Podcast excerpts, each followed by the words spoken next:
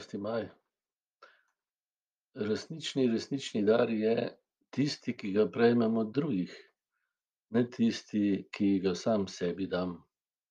Torej resničnega daru si ne morem sam podariti. Lahko pa ga sprejmem. Lahko se ga veselim. No, in današnji evangelij govori o tem. Jezus pravi, da nam bi veliko stvari še lahko povedal, ampak da nas bo duh resnice vodil k popolni resnici, ker ne bo govoril od sebe, ampak bo govoril iz Jezusa, iz očeta. In bo pokazal na resnico, ki je Kristus, ki je njegovo vstajenje, ki je njegova ljubezen, se pravi, da je nas izbral, ne sebe. Njegova podaritev, to je resnica. In v svetem duhu nam je dan ta dar, da ga lahko sprejmemo. Vidimo apostola Pavla v Atenah, kjer imajo veliko oltarjev vsem bogovom in tudi neznanemu bogu.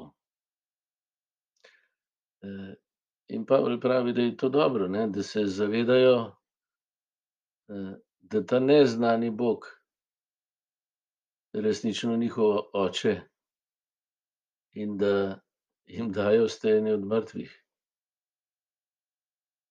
To je duh resnice. Pa ga mnogi niso bili pripravljeni sprejeti. Dar je dan vsem in za vse. Ampak če se posmehneš pa celo rečeš: "Ja, saj Jezusa sploh ni bilo, saj niti ni zgodovinska osebnost," pa tako naprej, kot lahko gledamo razne neumne ali pa poskuse na Youtubu in tako naprej. Dokaze, v narekovajih. Potem pa, se pravi, duha ne sprejmeš in zate vstajenja ni, ti ne moreš iz tega živeti.